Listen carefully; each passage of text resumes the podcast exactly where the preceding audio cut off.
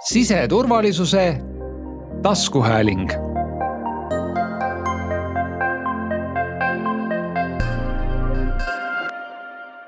siseministeeriumi sisejulgeoleku asekantsler Veiko Kommusaar aitab meil selgitada tänaseid uudiseid, et Venemaa president Vladimir Putin on kuulutanud välja osalise mobilisatsiooni.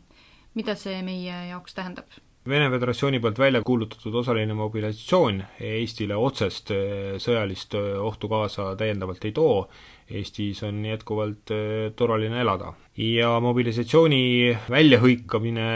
võib tuua kohustuse nendele inimestele, kes on siis Eestis küll elavad, aga on Vene Föderatsiooni kodanikud kui palju Eestis on neid inimesi, kes mobilisatsioonikohustuse alla võiksid kuuluda? Need inimesed, kas, kes Eestis elavad, kas nad Vene Föderatsioonist üldse mõne kutse saavad või kas nad on äh, kuidagipidi arvatud sinna mobilisatsiooni alla, selle kohta ühest vastust ei ole teada, küll Eestis on, äh, elab kaheksateist kuni kuuekümne aastaseid inimesi veidi üle kahekümne tuhande, kelle kohta potentsiaalselt see mobilisatsioonikorraldus võiks käia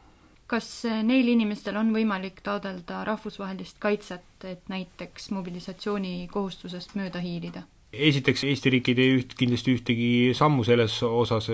kui selles osas, et kuidagi toetada Vene Föderatsiooni mobilisatsiooni õnnestumist ja need inimesed, kes Eestis elavad ja otsustavad mobilisatsioonikutse vastu võtta, siis nende puhul on kindlasti üsna selge lähenemine, et nendel inimestel erinevate viibimisalustega tagasituleku võimalust Eestisse ei ole